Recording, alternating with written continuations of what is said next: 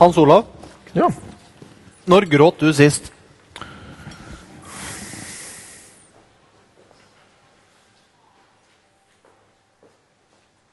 Jeg husker ikke. Eh, Det kan ha vært eh, på et eller annet i forbindelse med Håvard-boka. Mens du skrev Det eh, kan ha vært eh, i forbindelse med at jeg leste over et eller annet der. Det er trolig. Er det lenge siden?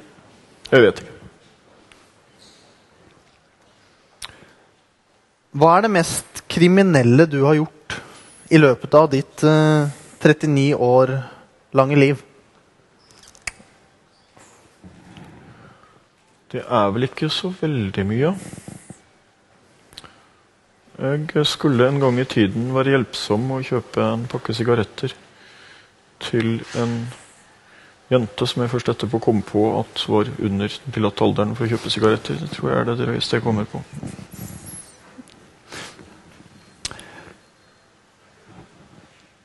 Hvor hardt har du vært rammet av eh, sykdom? Nei, det har jeg jo snakket om. At jeg har jo eh, stått og vippet på kanten eh, en gang da jeg var 14, ja. Er det det mest dramatiske du har opplevd også?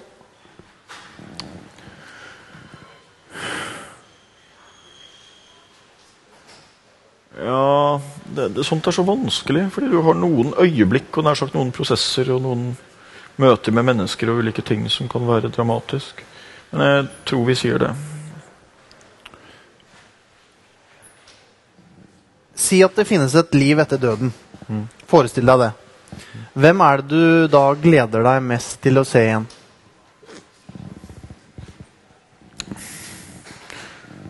Til å se igjen, ja.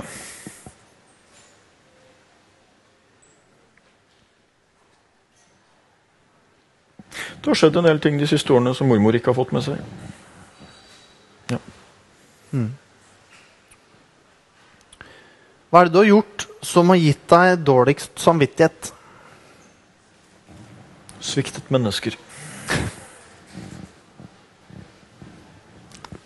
Generelt? Sviktet venner, kan vi spesifisere til. Hva mener du med det? Nei, altså Hvis jeg har lovet å gjøre noe for venner, og det jeg ikke får gjort det, så får jeg dårlig samvittighet. Hva er det sterke, sterkeste rusmiddelet du har brukt? da? Jeg tror faktisk ikke jeg har brukt noen.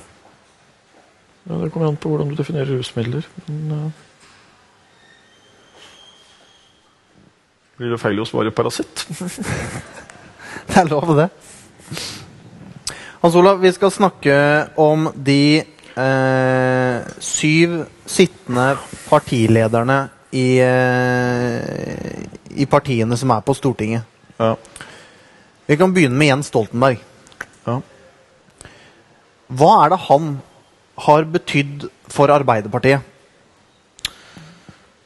Han var jo en partileder som først tok Arbeiderpartiet et uh, stykke ned. Han var jo med og hadde en stor del av ansvaret for den nedturen de opplevde i perioden 96 til 2001. Så klarte han jo å snu den trenden og komme opp igjen med suksessen fram mot valget i 2005 og veien videre. Det blir veldig spennende å se. Det er et skjebnevalg uh, for ham.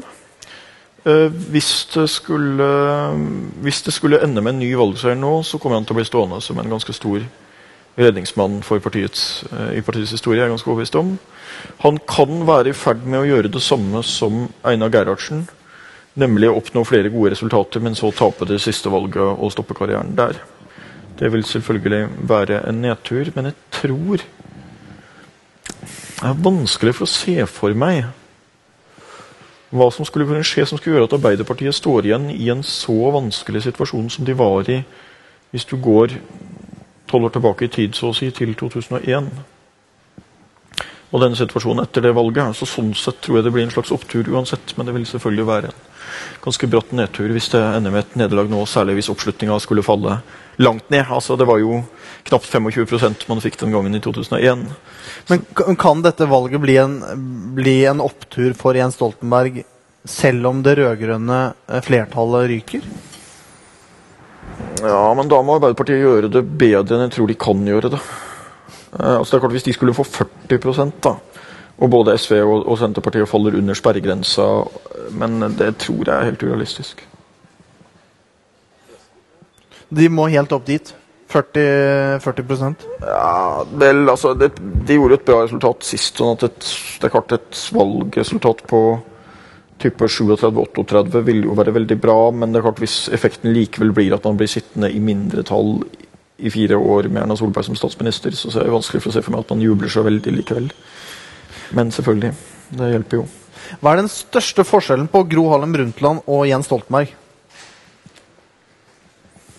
Det er mange likheter og en del forskjeller på de. De tilhører egentlig den samme rekka i Arbeiderpartiet. Det går en ganske lang linje på partilederne her, fra Oskar Torp via Trygve Bratteli, som var Oskar Torps politiske sønn på mange måter, til Gro Harlem Brundtland, som Trygve Bratteli plukka inn i regjeringa, til Jens Stoltenberg. Og det går på økonomisk politikk som går sånn pragmatisk litt mot høyre og litt inn mot sentrum. Det handler om en ganske verdiliberal linje. Og det handler om at man i sikkerhetspolitikken og utenrikspolitikken ligger sånn trygt til vest, på en måte. Eh, så jeg ser ganske mange likhetstrekk der. Men Nei, det er jo ulik kjønn, ulik generasjon. Eh, den største forskjellen er vel egentlig at Stoltenberg at Gro Harlem Brundtland alltid fastholdt at Arbeiderpartiet styrte alene. Men Stoltenberg har foretatt et historisk brudd eller løft, eller hva man nå vil kalle det. avhengig av perspektivet. Og sånn sett havner han uh, i historiebøkene uansett? Ja, det er klart. Men har du sittet to perioder og introdusert et nytt regjeringsalternativ, så er det i historiebøkene uansett. Men jeg tror ikke han er fornøyd med det. Hvor lenge kommer Jens Stoltenberg til å sitte som partileder i Arbeiderpartiet, tror du?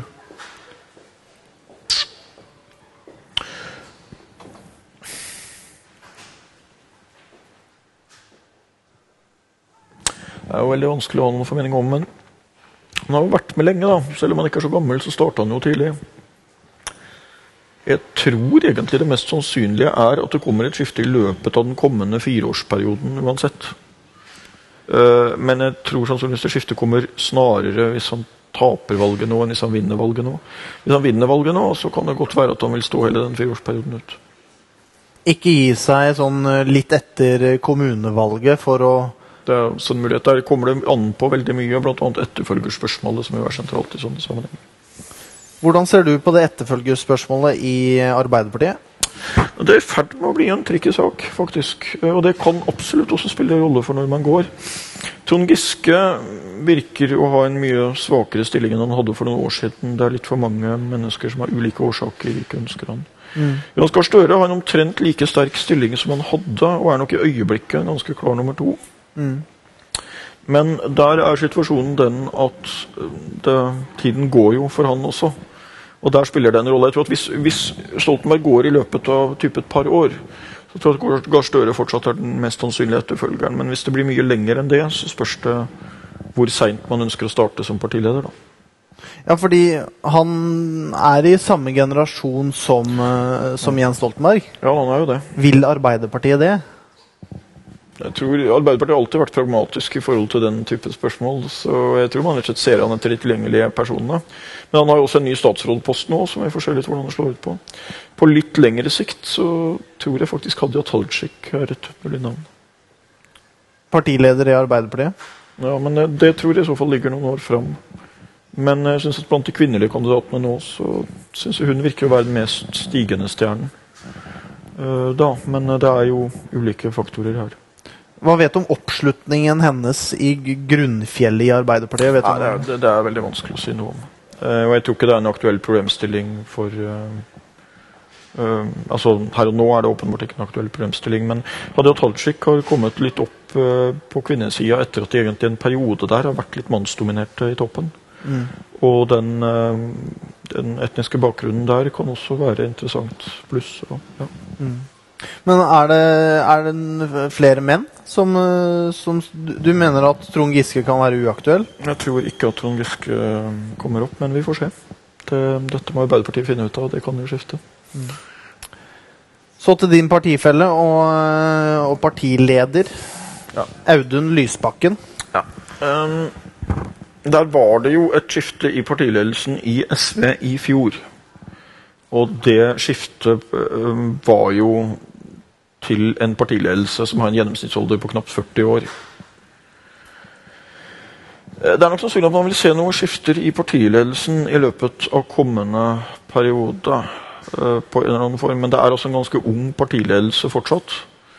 Uh, og selve partilederen har sittet veldig kort tid. Men her er det ulike scenarioer som selvfølgelig kan oppstå. Men jeg tror at ingen i SV tenker i den retning nå. altså Det er ingenting i forhold til ansiennitet og, og periode og sånt som tilsier at man øh, vil ønske noe sterkt skifte. Men det er, for, for, SV som for de andre småpartiene i forhold til partiledelsen, så er det et hensyn som liksom er den store X-faktoren her. Og det er at man vet ikke hvem som sitter på Stortinget etter valget. For Arbeiderpartiet så vet du at de alle, alle, de aktuelle kandidatene vil være garantert plass på Stortinget uansett valgresultat nå. Mm. Men for småpartiene så er det der en annen situasjon. Eh, så der er det liksom noen ting som selvfølgelig kan endre seg, og det kan partiene selvfølgelig måtte ta en vurdering av. da. Altså hvis man men, men, eh, jeg har ikke noe tro på det ellers, at det ligger an til noe snarlig skifte der. Eh, Audun Lysbakken ble partileder i en tid hvor han hadde vært gjennom en skandale.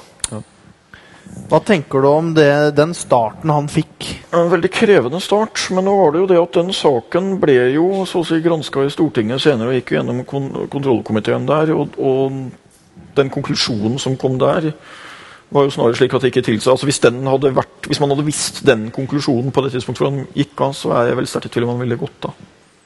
Eh, fordi at han kom liksom på en måte godt fra den saken og granskinga. Det skjedde bare så lenge etterpå. at alle hadde på en måte. Han var jo klar over de faktiske forhold selv, og det var ja. han som valgte å gå? Ja, da forhold. Nei, men Han tok en vurdering av det i den situasjonen. Og, eh, men det, kartet var en veldig krevende start. Eh, Hovedutfordringa der er jo selvfølgelig du har en utfordring når du er ny partileder rett og slett i forhold til å nå ut, og særlig når du, har sittet, når du kommer etter en partileder som har sittet så lenge er så til de grader etablert som Kristin Halvorsen var. Eh, så det er klart, der er det fortsatt, han, han, er jo så ny partileder at han fortsatt er i en slags innkjøringsfase. og Det kan være en tenkbar fordel, men selvfølgelig også en utfordring med tanke på et stortingsvalg. Hva tenker du om at han eh, ble da partileder for et regjeringsparti eh, og, og ikke var i regjering? Det er jo ikke akkurat noe historisk ny situasjon, det. Det er, det er Einar Gerhardsen gjorde jo det samme. Men det, det, er jo ikke Det kan umulig være positivt for SV?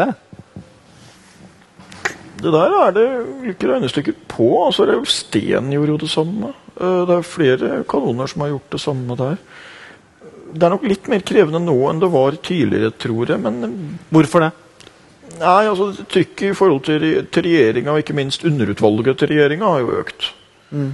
Eh, så jeg tror, eh, da, men, eh, Og betydningen av det med underutvalget har økt. Men jeg tror det var jo også en del i SV som argumenterte ut fra at det kunne ha noen praktiske fordeler å ha en partileder som ikke var så bundet opp til regjeringens politikk, og som hadde mer tid til å bruke seg på partilederarbeidet. Hva mener du, da? Nær sagt allerede før den saken kom opp. Nei, jeg ser fordeler og ulemper med, med ulike løsninger der. Hvem er det som står i, i, kø til ledervervet i SV? Nå har jo SV nettopp fått en ny leder, så det er litt unaturlig å snakke om. Men, men hvem er det? Nei, eh, får jo da folk tiltre før man begynner å spørre hvem som skal komme etter dem. Uh, men Har vi en såpass ung ledelse i det partiet ja. at det er snakk om noen av dem? Nei, altså Usikkerhetsmomentet her er rett og slett det momentet med hvem som er på Stortinget. og Her kan du få veldig mange ulike scenarioer. Eh, og der er den en situasjon at sant, Hvis SV får type 4,4% av stemmene, da, for å ta et tenkt scenario, så er det klart at da vil det være et visst bingoinnslag i forhold til hvor man kommer inn. I forhold til, uh, i, i, forhold til uh, utjevningsmandater og dette. Og Da kan du få en del sånne Da du, har du en tenkbar situasjon at f.eks. både Bård Vegar Solhjell og Audun Lysbakken, som nå sitter i partiledelsen, uh, kan komme til å ryke ut av Stortinget i den situasjonen, og at man liksom kommer inn med andre folk fra andre fylker fordi man akkurat ikke kom inn på fast mandat i de fylkene. Mm. Uh, og det er klart, da da, da kan man på en måte begynne å tenke over da, da kan det være at både de selv og andre liksom vil tenke over hvordan den situasjonen er, og hvor viktig det er at partiledelsen liksom sitter på Stortinget. Men det er jo, KrF gjør det, gjør det jo nå og skal jo fortsette å gjøre det, etter hva jeg forstår. Så det er jo ulike vurderinger rundt det der. Eh, Men eh, det blir uansett veldig spekulativt å snakke om nå, når man har valgt en så ung ny partileder, en så ung partiledelse. Hvordan syns du eh, Audun Lysbakken gjør jobben? Nei, Jeg støttet han da han kom, og jeg støtter han fortsatt. Jeg syns han har gjort en god jobb. Ventet du noe annet? Jeg ventet ikke noe annet, Hans Olav. Uh, Liv Signe uh, Navarsete, Ja. hva mener du om henne? Bra politiker. Uh, tøff dame. Har hatt sine utfordringer som partileder. Eh, var ganske ukjent da hun kom inn i regjeringa. Da var hun nestleder i Senterpartiet, og ganske ukjent når vi er tilbake i det var vel i 2005, mener jeg husker. Da var det mange som lurte litt på hvem er hun. Hun klarte seg veldig bra som statsråd, og det ble også litt sånn springbrett opp til at hun da i neste omgang også ganske fort kom opp som partileder. Hun Problemet hennes er problemet til Senterpartiet, nemlig at det er et ganske splitta parti. Altså at man har noen interne motsetninger i partiet som går helt opp i partitoppen. Eh, Men jeg tror Så hvis det skulle bli et veldig Hun har sittet en del lenger, da. Eh, sliter fortsatt med at hun er litt lite kjent som partileder. Eh, Men når det er sagt, så tror jeg at hun har en sterk støtte i store deler av eget parti, og særlig det øvre del av det. Men her er det også litt sånne rare scenarioer som kan oppstå. fordi at hvis Navarsete hvis, hvis Senterpartiet gjør et veldig dårlig valg nå, type for 3,9% eller et eller annet sånt, så får de to-tre distriktsmandater. Det er klart det vil være en veldig krevende situasjon for enhver partileder å fortsette i. Men samtidig kan du fort få denne situasjonen at Navarsete er den eneste av de aktuelle kandidatene som i så fall er på Stortinget. Og det man, eneste man vet sikkert om det, er at Ola Borten Moe, som liksom har vært nytt som alternativ, kommer ikke til å være der. Ja. For han har frasagt seg gjenvalg. Så her er det mye rare vurderinger som kan komme opp, men um, Nei, vi får se. Uh, altså Partilederne i uh, de små partiene er jo generelt i en utsatt uh, situasjon der. Men du har det der usikkerhetsmomentet med, med, med hvem som er på Stortinget. Spent på hva som skjer i Senterpartiet, både med valgresultatet og utviklinga videre. Hvem er i kronprins- og kronprinsessesjiktet i det partiet? Nei, det er det der veivalget og disse to grupperingene, man kan kalle det det, rundt Navarsete og Borten Moe. Mm. Men som sagt, Borten Moe har da i forhold til det, sånn jeg oppfatter det, satt seg selv litt på sidelinja. For jeg synes det er veldig vanskelig å se for meg en situasjon hvor han kan bli partileder neste periode og ikke være i Stortinget. Det har jeg veldig vanskelig for å se for meg. Man skal jo aldri si aldri, men det virker som en merkelig løsning. Har det forholdet mellom eh, Borten Moe-klanen og Navarsete-klanen ødelagt litt for eh, Senterpartiet? Senterpartiet har en viss uenighet innad, og de er pressa på meningsmålingene. Det er klart det er utfordringer. Når det er sagt, så har Senterpartiet mange ressurser i situasjonen. Altså, De har veldig mange ordførere rundt omkring, ganske mange heltidspolitikere. Mange dyktige folk rundt i, i, eh, rundt i Bygde-Norge. Mange steder de står ganske sterkt, selv om de gjør det dårlig på landsplan. Så de har en del mobiliseringspotensial, men det er klart det er utfordringer nå. Er det Borten Moe som er, eh, er aktuell eh, til å overta eh, et eventuelt ledig partiverv?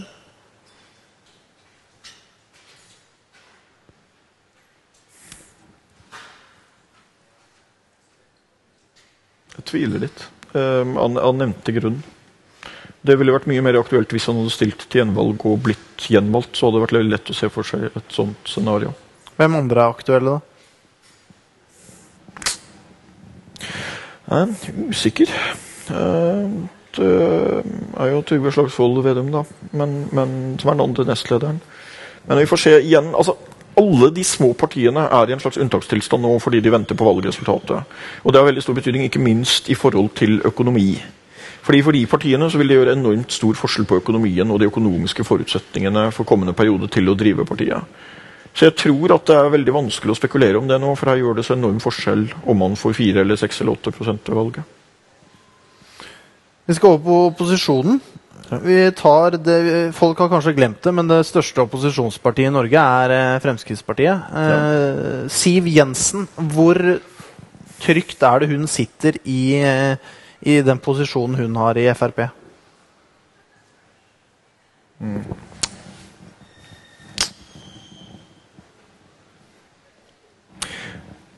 Ja, For så vidt et godt spørsmål. Jeg tror fortsatt at hun sitter ganske trygt, med mindre de gjør et veldig veldig dårlig resultat. Men her er det de, de er to Altså, de fikk, de fikk jo 23 ved valget i 2009. Så fikk de 11,5 i 2011. Så det er jo to litt ulike resultater å sammenligne med, så å si.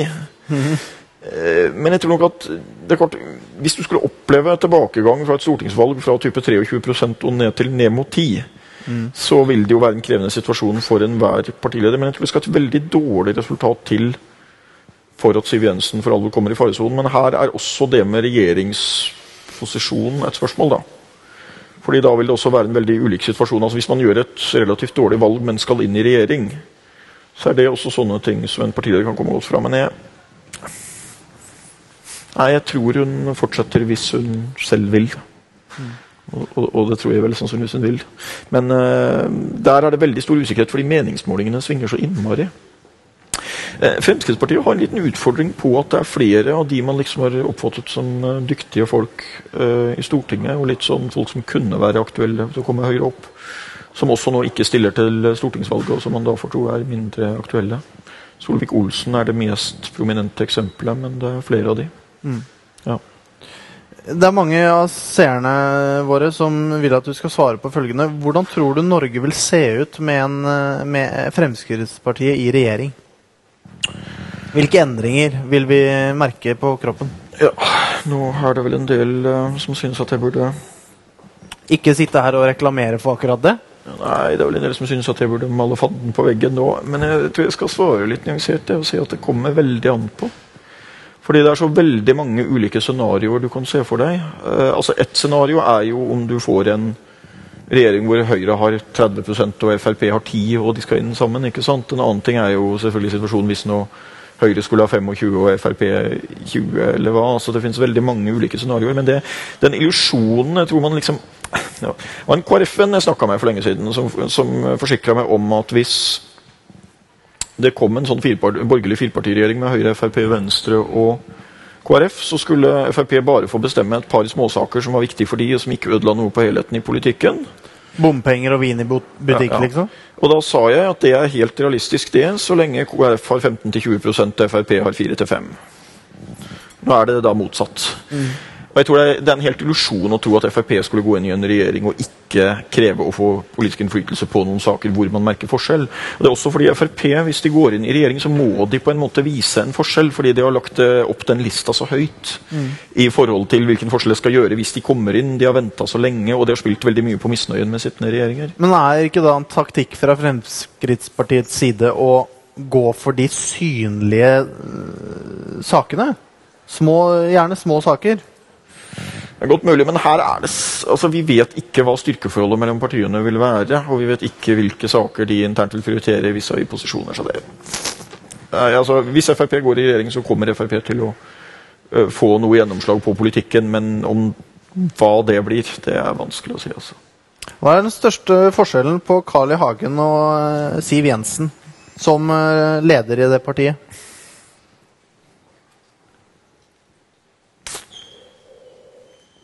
Nei, det, er også, det er jo to ulike generasjoner, da.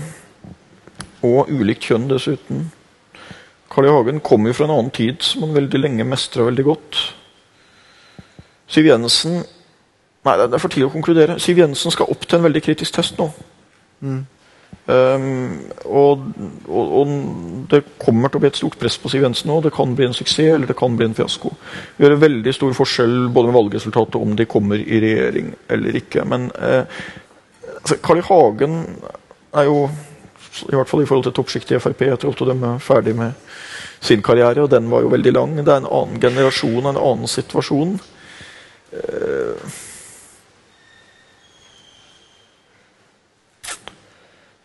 Men det virker vel som Jeg tror Siv Jensen har en forskjell en fordel hvis vi Carl I. Hagen med at det ser ut som hun er mer akseptabel for de andre partiene i forhold til å gå inn i en regjering, også på en tung post. For det syns jeg på sett og vis virker som man er forsont med. Altså jeg tror ikke, ikke at man liksom gamle dager så var det jo liksom i det hele tatt at man veldig lenge liksom sa at Karl I. Hagen var utenkelig i en regjering, og langt inn i Høyre. Uh, og nå ser det, det, det, er jo ganske åpenbart at man fra Høyres side er helt åpen for den muligheten også med en tung post. da. Så Sånn sett tror jeg vel at samarbeidsmuligheten er bedre, men det er så mange ulike scenarioer som kan oppstå. Så vi får se. Litt fra siden, men kunne Carl I. Hagen blitt hentet hit som en statsråd i en uh, borgerlig regjering?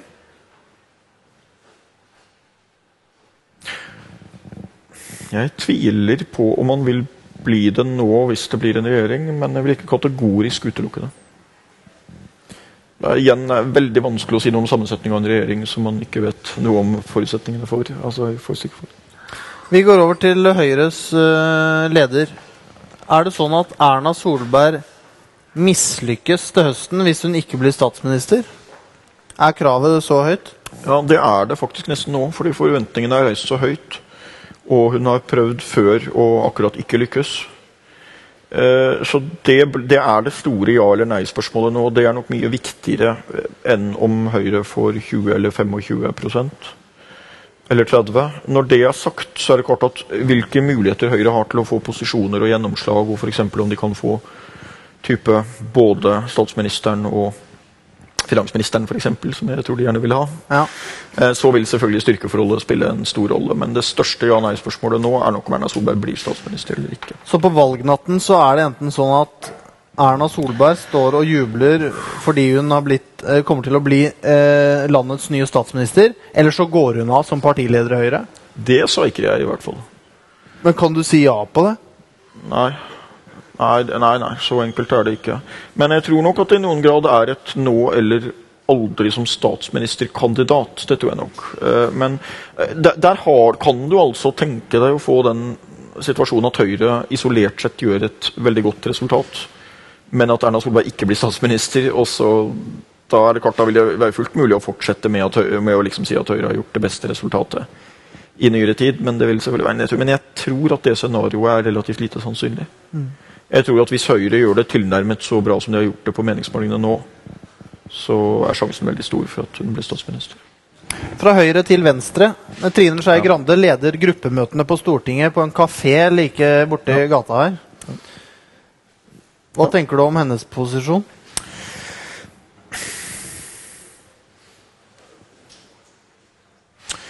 Ja, nå var det jo Hun overtok jo på sett og vis litt på bunnen. Eh, altså, Hun overtok jo i en situasjon hvor partiet hadde falt under sperregrensa. og sånt, og Det er jo på en måte et veldig vanskelig utgangspunkt og på en måte et ganske takknemlig utgangspunkt. Fordi det kan jo på en måte ikke gå så veldig mye verre.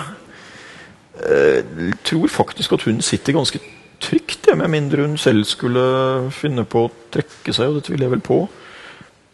Men jeg, der tror jeg nesten jeg vil si at så lenge de kommer over sperregrensa og får en gruppe så å si altså går opp fra to til uh, seks mandater, som de veldig fort får hvis de er over 4 mm.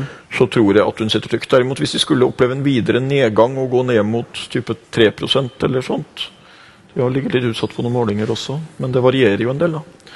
Så, uh, så vil jo kanskje det. Men det er veldig tvil om hvem som er realistiske kandidater, og som er villige til å gå opp mot henne. Nå har Venstre tradisjoner for en del sånne Uh, interne uh, stridigheter i så måte, men det har fremstått som et mer harmonisk parti nå i det siste under henne enn jeg egentlig syns det har fremstått på lenge.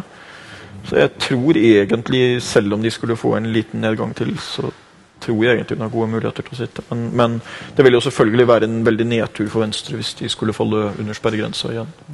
I likhet med KrF. Eh, ja. Hareide er relativt fersk partileder, han også.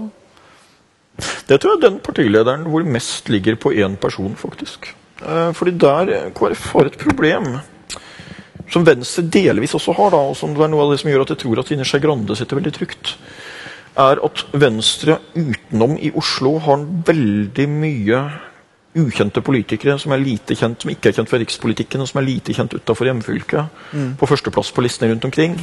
Så er det igjen litt sånn bingo hvor de kommer inn hvis det er utjevningsmandater og sånt. Ja. Men det ser ikke ut som det er mye politiske tungvektere der som man liksom innbiller seg at vil gå opp mot henne.